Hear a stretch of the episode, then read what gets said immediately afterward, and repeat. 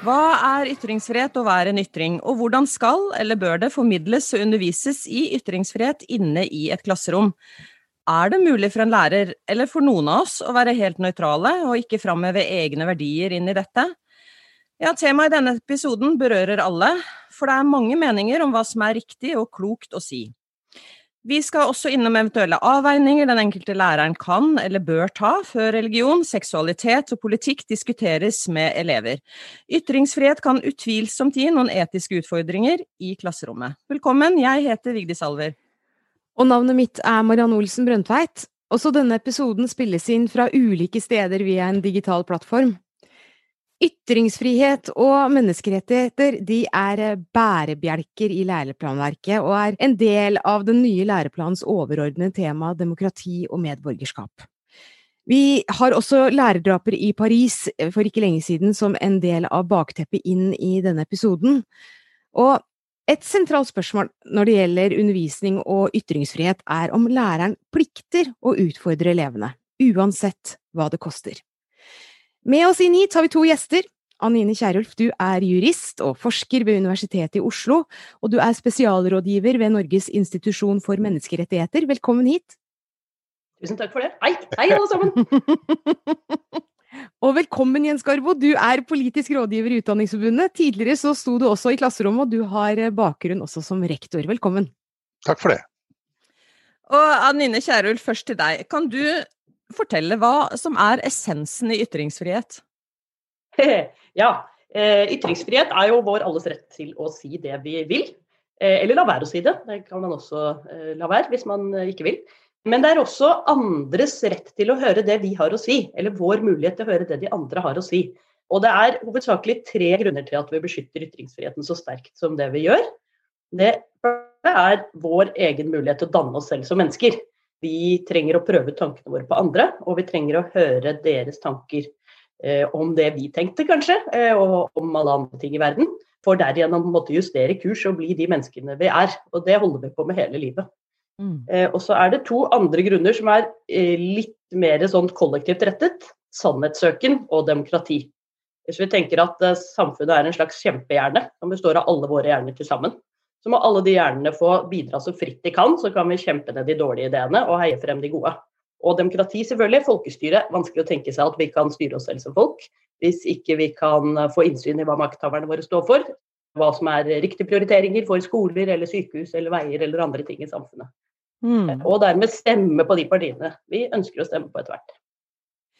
Men alle er jo ikke enige om hvor grensene for ytringsfrihet og ytringer eh, går. Hvor og på hvilke områder i samfunnet vårt merker vi uenighet om ytringsfrihet best? Jeg tror kanskje vi merker det best på uh, hvis vi tenker at det er to hovedgrupper her. Det ene er rettslige grenser. Det finnes absolutt noen rettslige grenser på ytringsfriheten. Og det andre er sosiale grenser.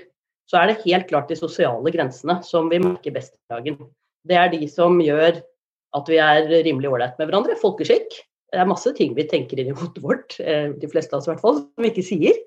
Og så er det jo både av hensyn til andre, men kanskje også av hensyn til oss selv. Vi blir ikke så veldig populære hvis vi sier alt det vi tenker. Men de rettslige grensene de er jo der ute som en slags sånn ytre grense for alle disse sosiale funksjonene inni, inni ytringsfriheten. Um, og der er det jo noen grenser mot trusler, mot hatefulle ytringer, mot ærekrenkelser, privatlivskrenkelser. Man kan ha taushetsplikt, uh, man kan ha lojalitetsplikter i arbeidsforhold f.eks ja, så det er ganske mange ting som egentlig virker inn på måten ytringsfriheten vår brukes på i praksis. Ja, det er det jo. Og sånn som du ser det, hva tenker du er det aller viktigste for en helt vanlig elev i Norge å kunne lære om ytringsfrihet? Jeg tror hvis man har et rimelig godt grep om begrunnelsene, hvorfor beskytter vi det så sterkt som det vi gjør? Hvilke historiske eksempler har vi på at det var helt nødvendig? Fremskrittene vi har gjort vitenskapelig, tanken som vel er eh, knyttet kanskje til opplysningstiden for oss, da, men om at hvert enkelt individ har et eget menneskeverd og må få utvikle seg selv som enkeltindivid. At alle de begrunnelsene ligger under eh, vernet for ytringer. Og at det er viktig å ha med seg når man møter ytringer man selv ikke liker og gjerne skulle sett var borte. Mm. Ja, Drapet på læreren eh, Samuel Paty rysta jo verden nå i høsten 2020. Og til NRK etter dette drapet i Frankrike så sa du bl.a. at det er en lærers plikt å utsette elever for ubehagelige ytringer. Kan du forklare hva du legger i det? Ja, det ble jo lest som mye leses i sosiale medier. Så ille som det kunne høres ut. Det var det ikke ment som. Det var mer ment som, og det tror jeg alle lærere vil kjenne seg igjen i, nemlig at uansett hva man underviser i, så vil noen føle enten positivt eller negativt i et klasserom. Og det kan være noen ting er veldig forutsigbare, og da kan man demme opp for dem i forkant ved å forberede elevene på det. Eh, og ta forbehold om hvordan man underviser om det. Men mange ting vil kunne komme helt overraskende. Man kan eh, vise frem en film hvor en hund blir påkjørt, og kanskje var det en elev i klassen som hadde en hund som ble påkjørt dagen før, og det var altså det såreste den eleven hadde blitt utsatt for hele året. Mm. Sånn at det at man gjennom sin undervisning er nødt til å utsette elever for ting som følelsesmessig berører dem, det er en helt sentral del av hele den pedagogiske gjerningen, tror jeg. Og skal man lære om eh, svartedauden, så er det ganske fæle detaljer. Eh, skal man lære om kriger som har drevet eh, verden fremover, så var det ganske fæle ting som skjedde underveis, osv. Så, det var det jeg mente med det. Ja, men eh, forutsigbarhet eller overraskende eller ikke, hva, hva, tenker du at det gjør med elevene uansett om de blir utsatt for det, eller om de ikke blir utsatt for det? Nei, altså Det å bli utsatt for eh, krevende følelsesmessige ting, det kan jo virke veldig ulikt på ulike elever. Vi er jo mennesker alle sammen. Men det å bli lært opp til å tåle den belastningen det er av og til å høre ting man blir følelsesmessig berørt av, det tror jeg er helt nødvendig for å bli borger i et samfunn. Mm. Man kan ikke delta i et demokrati på, på linje med alle hvis man ikke er forberedt på at det f.eks. å delta i offentlig debatt vil føre en del ubehagelige tilbakemeldinger. Og de mm. ubehagelige tilbakemeldingene de sier noe om dem som avsender dem, de som sier det. De kan også være noe du tar til deg fordi du tenker ja, det var ganske klønete formulert til deg, jeg skulle ikke sagt det helt sånn. Eller ja, nei, nå tenker jeg litt annerledes om det. Og Den utvekslingen er på en måte en del av ikke bare demokratiet, men også det som gjør deg til det mennesket du hele tiden er. Mm. Det å tåle uenighet med ord, det er helt avgjørende for å være en demokratisk borger. Men dette lærerdrapet i Paris, det har jo eh, blitt en stor debatt om det, både om karikaturer og annet. Og tror du at eh, det vil flytte på grenser for temaer relatert til ytringsfrihet i en lang tid framover? Ja, Det er jo ikke så godt å spå om fremtiden, men det kan jo være slik at veldig fæle ting beveger samfunnssamtalen i nye retninger. Jeg vet ikke om dette drapet vil gjøre det, men eh, hvis man ser tilbake på de første karikaturtegningene, ambassadebrenningen som kom i forlengelsen av det Man fikk jo en veldig annen måte å diskutere ikke bare ytringsfriheten på, men også deler av voldelig eh, islamsk kultur som mange kanskje hadde fryktet fra før, men ikke turte å diskutere fullt så åpent som det som skjedde etterpå. Jens Garbo, du hørte Kjerulf her snakke om eh, det å utsettes for ubehageligheter, og selv har du også uttalt at du er redd for at lærerne nå ikke tør å utfordre i det hele tatt. Hvorfor tror du det kan være en fare for det? Nei, Det er vel fordi eh, for den type oppmerksomhet rundt eh, en sånn voldshendelse, det vil, det vil også kunne oppleves som en innsnevring av rommet. Altså Helt konkret, hvis, eh, hvis eh, en, en, norsk lærer som eh, la oss si to uker etter den hendelsen egentlig hadde et godt forberedt pedagogisk opplegg, hvor en del av dette var overfor sin ungdomsskoleklasse f.eks., å vise disse tegningene, mm. så ville den læreren, vil jeg tro, gå en ny runde med seg selv og spørre finnes det en risiko for at uh, mine uh, undervisningsopplegg her kan komme til å utløse noe tilsvarende som da kan true min eller min families eller, eller andre elevers eh, sikkerhet. og det er jo tror jeg helt relevant å, å, å, å tro at mange lærere kan tenke. og Derfor så, så mener jeg også at det, det var viktig at vi snakker om dette og at vi også forsøker å identifisere den frykten som kan oppstå. Og, og jeg syns at uh, Anine sa noe veldig klokt om det ved en tidligere anledning som jeg hørte på, som handlet om det at du har ingen plikt til å, å løpe rundt og provosere for å gjøre det. Men hvis du har et pedagogisk opplegg hvor noe som kan fremstå som provoserende var en del av det, og du av denne grunn lar det være, Da har vi et problem. ikke sant? Også fordi at det finnes andre lærere som hadde kanskje det samme opplegget, og som da blir stående enda mer alene med det. Og Dette syns jeg var veldig gode refleksjoner, og veldig viktig. For ytringsfrihet og menneskerettigheter er jo da overordna verdier i den norske læreplanen, men hva forteller jo også dette, og hvilke utfordringer kan det gi? Ja, det er, det er, vanskelig å svare på. Jeg satt og tenkte på i stedet da Anine snakket i begynnelsen her, eh, om grunnlovsjubileet som var da i 2014. Da var NRK på Eidsvoll, og kongen og, og, dronningen var der og i februar hvor dette skulle åpnes. Og så var det en professor, og nå husker jeg ikke navnet hans. Han ble da spurt av programlederen, og alt var i feststemning, husk det, så spør programlederen da hvorfor har vi ytringsfrihet? Så svarer han det er for å beskytte drittsekkene. Uh, hvem er det, sier hun veldig overrasket. Det er naverne og de som mener noe om innvandring og sånn, sier han. Og, og, akkurat da pekte han på noe veldig viktig som tok liksom luften litt ut av feststemningen. Ytringsfriheten den beskytter jo, den er der for å beskytte mot uh, uh, retten til å gjøre det ubehagelige. Vi trenger ikke lovverk for å beskytte retten til å si det alle liker å høre. Det som er helt harmonisk og uten kant. Eh, sånn at det, det, ligger i sakens natur at hele dette juridiske reisverket, det har vi nettopp for å hindre noen i å stoppe ytringer de ikke liker. Mm. Det er veldig viktig å forstå. Uh, som en del av ytringsfriheten også i læreres undervisning, så er det faktisk sentralt å skjønne akkurat det. Den, uh, og jeg er veldig enig med Anine igjen. altså Det å være en demokratisk borger, det handler bl.a. om å kunne bære ubehaget ved å møte ytringer du ikke uh, ønsker deg, eller kanskje ikke verdsetter. Men forstå, de er ikke bare ønskverdige, de er verdifulle. Ja, mm. det er krevende. Jeg er veldig enig i det som blir sagt der. og jeg så tenker vi på ytringsfriheten som min rett til å si alt det krenkende jeg vil til deg. Men ytringsfriheten handler jo vel så mye om uh, din mulighet til å skjønne hvem jeg er. Ikke sant? Sånn at det at man regulerer bort, da er det ta bort ytringer, fordi det er jo på en måte alternativet her. ikke sant? Man, man, man har flere grenser for ytringsfriheten enn de som finnes i dag. Uh, det er jo egentlig det samme som at staten sier Nei, vi stoler ikke på dere demokratiske borgere, vi. Dere tåler ikke å høre dette. Sånn at dere kan ikke der nede uh, fra bygge opp demokratiet nedenfra hver dag, sånn som dere er nødt til å gjøre.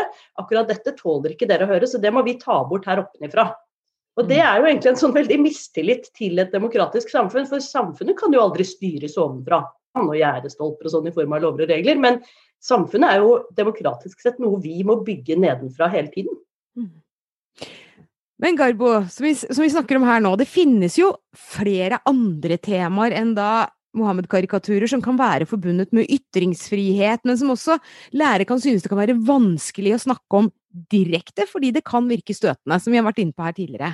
For eksempelvis syn på abort, seksualitet, religiøse eller politiske overbevisninger. Hvordan skal det være mulig å undervise ytringsfrihet hvis det blir mye som det ikke kan ytres om i klasserommet fordi det blir da nettopp ubehagelig? Eh, jeg tror at en del av læreres oppgave er jo, eh, er jo å, bidra til at rommet for hva samtalen og undervisningen kan handle om, eh, opprettholdes. Jeg syns det er ganske interessant at i vår grunnlov, i paragraf 109, der omtales utdanning. Og Der står det om utdanningen at den skal da hjelpe den enkelte til å, til å kunne bruke sine evner. Og så kommer det og lære elever respekt for demokrati og menneskerettigheter. Det er faktisk det eneste spesifikke målet Grunnloven setter for undervisning. Mm. Eh, og det bør lærere merke seg. Altså, det fins ikke noe som er viktigere for en lærer enn faktisk å, å, å, bidra til å utvikle demokratisk sinnelag hos elevene. Og da mener jeg det at det, eh, det bør bety at lærere må anstrenge seg for å så å si trenge gjennom sitt eget ubehag. Eh, og det kan de gjøre på forskjellige måter, bl.a. ved å snakke sammen om hvordan håndterer vi det. Eh, og, og, hvordan støtter vi hverandre eh, i å bygge våre begrunnelser, i samtaler med foreldre, i samtaler med andre, som, som kan da representere denne forventningen om en innsnevring og forsiktighet. Det, det må de gjøre, det er en del av deres jobb å gjøre det. Ja, for du, du, snakket jo om dette her med de grepene en lærer kan ta, men hva mener du det er viktig at en lærer husker på hvis det da man skal tenke på hvor grensene går da mellom det å utfordre og skape dette rommet som du snakker om, og det som oppleves som å rent ut provosere eller krenke? Ja, det, det finnes det jo ikke noe fasitsvar på, men det finnes noen ledetråder. Jeg tenker det at eh, hvis, Som lærer så skal du på en måte kunne gjenkjenne og rett, legge til rette for en pedagogisk situasjon. Det betyr altså en situasjon hvor, hvor, de som deltar i den situasjonen, befinner seg i en form for læringsmodus. Eh, så vi, vi, er sammen om noe her, vi har oppmerksomheten vår på det. Eh, som lærer har jeg en forventning og et berettiget håp om at dette skal avstedkomme noen refleksjoner i elevene knyttet til dette. Hvis jeg da foretar en handling inne i dette rommet som flytter en elev over i et krenket tilbaketrekningsmodus, hvor vedkommende har gått ned i grøfta, så kan jeg i hvert fall være sikker på én ting. Læringen har opphørt. For altså, den pedagogiske situasjonen er i ferd med å bryte sammen. Og det å, å, kunne føle på det og identifisere det, det er en del av lærerens faglighet. Og det er en del av lærerens forpliktelse, mener jeg, hele tiden å, å ha en pedagogisk begrunnelse.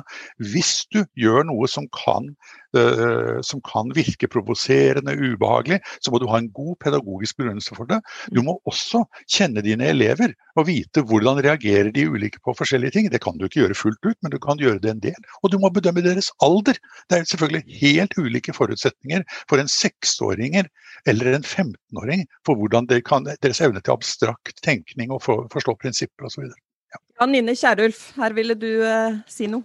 Ja, nei, Jeg vil bare støtte opp det Jens Garbo sier, for det er jo så viktig dette. og Jeg, um, jo, jeg reiser da litt rundt og blir bedt om å snakke om uh, rettslige grensene for ytringsfriheten. Da, og det det som har vært i vind de seneste årene, og denne grensen mot hatefulle ytringer. Jeg tror jeg var på Arendalsuka i fjor, eller for to år siden, og da var det vel en fem, seks, syv sånne debatter med liksom de, alle de som tenker stort og viktig om dette og styrer ting i landet. Og nesten alle de diskusjonene de munnet ut i en sånn ja, nei, men dette må nok inn i skolen.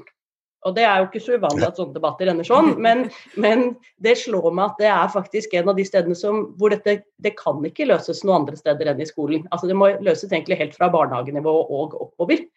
Eh, fordi Nå tror jeg ikke denne krenkelseskulturen kanskje er fullt så omfattende som det man av og til får inntrykk av, men det er klart at hvis man flytter fokus eh, for det som sies hele tiden til den subjektive oppfatningen til den som hører det, og frikobler det helt fra intensjonen til den som snakket, så er man i et veldig vanskelig rom. Fordi hele språket vårt fungerer på den måten at vi prøver å lage en bro mellom det noen mente i den ene enden og noen følte i den andre enden. Og det er i grunn her i midten at språket hjelper oss til å finne meningsinnhold og formidle meningsinnhold. Og hvis vi konsentrerer oss for mye om eh, den krenkelsessiden, og det er all grunn til å svare på de som føler seg krenket, for det kan være en veldig alvorlig ting. Det behøver ikke nødvendigvis korrespondere at noen, med at noen sa noe feil i den andre enden. Sånn at du skal ta vare på de som føler seg krenket, absolutt, det er viktig.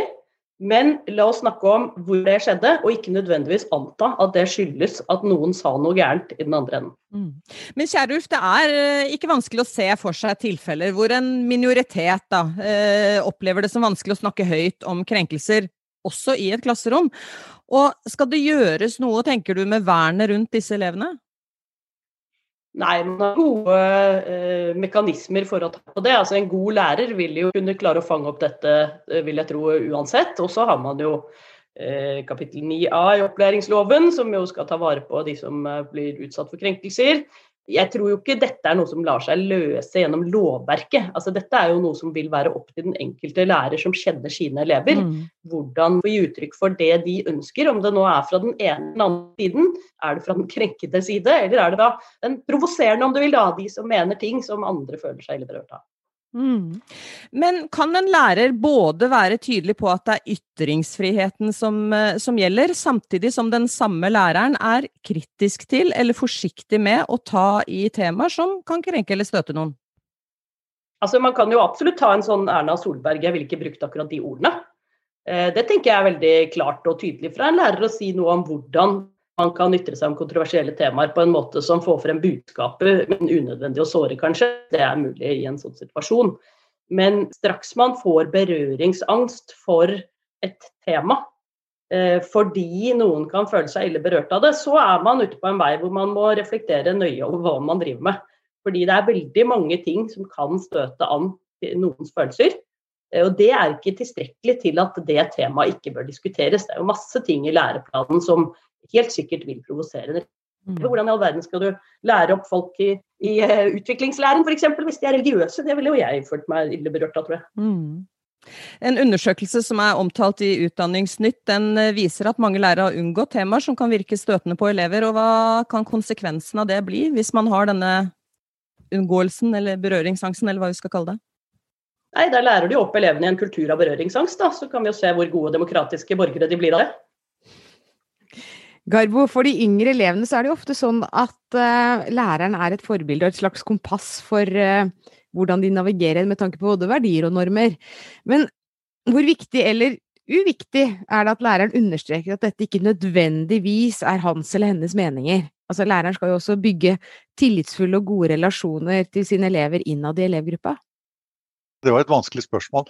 Eh, det første delen du sa der, at de, de er en modell, det er viktig. Og jeg tror det er viktig egentlig Eh, for alle lærere. Jeg tror helt opp på det nivået hvor Anine Kierulf befinner seg på universitetsnivået, så er faktisk lærerne i mangt og meget modeller, også for studenter, eh, ved sin framferd.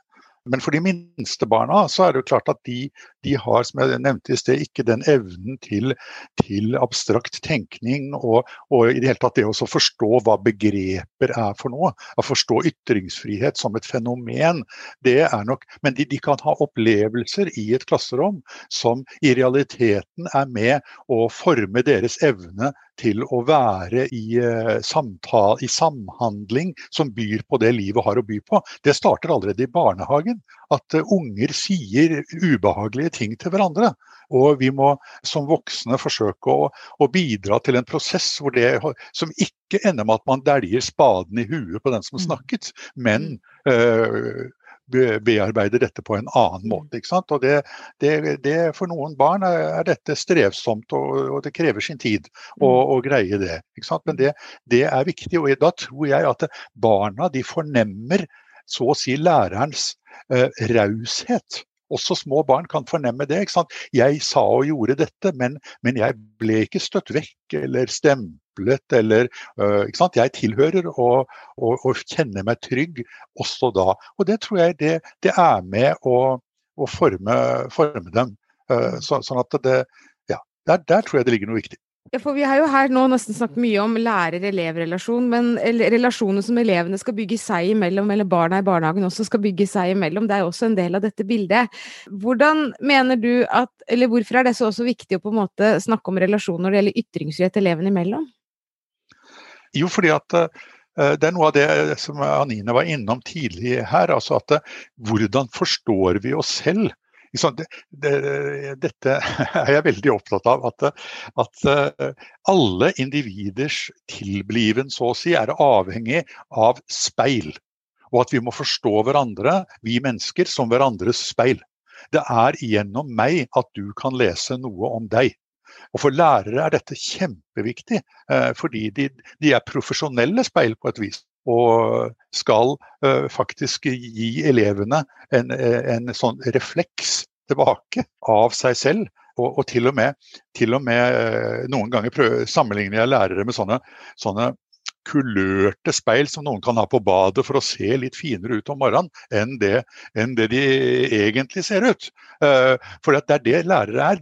Du skal ikke bare speile eleven, du skal speile det beste i eleven. Det som er, eh, som, kan, som, eleven kanskje ikke hadde så mye tro på, men som du kan få mer tro på eh, nettopp ved å bli speilet på en sånn måte.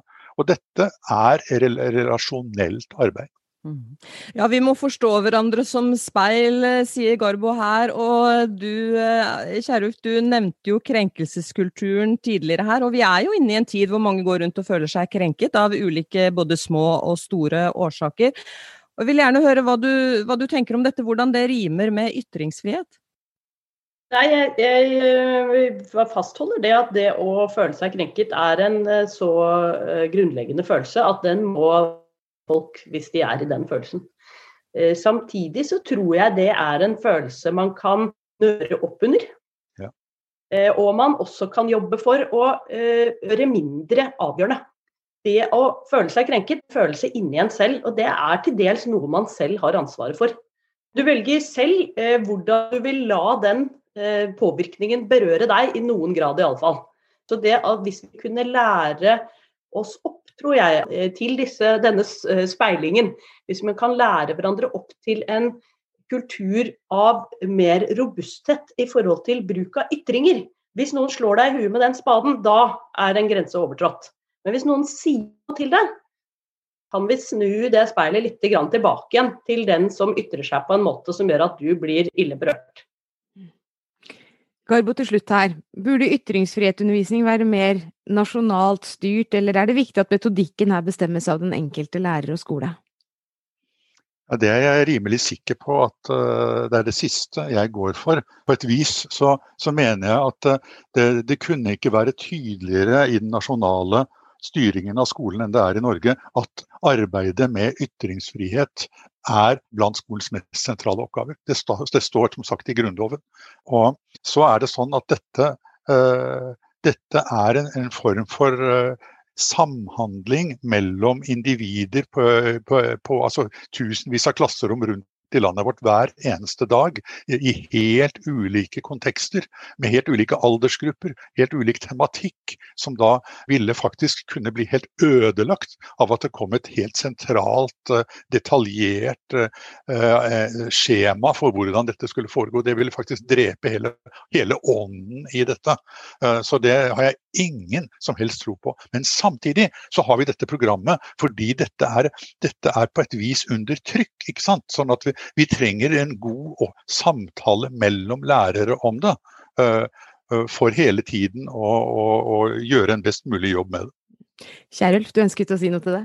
Ja, jeg er helt enig i det. Og jeg har jo, det skal man jo ikke si som jurist, da, men jeg har ganske lite tro på regler som uh, atferdsregulerende middel, egentlig. Men, men, hvis vi skal se på hva som finnes av sentraliserte føringer i læreplanene, men også i opplæringslova, eh, men også eh, paragraf 109 i Grunnloven, som Jens Garbo var innom. Og den kan jo med fordel av Grunnlovens paragraf 100 hele, for så vidt, men kanskje siste leddet, hvor det står at det påligger statens myndigheter å legge til rette for en åpen og opplyst offentlig samtale.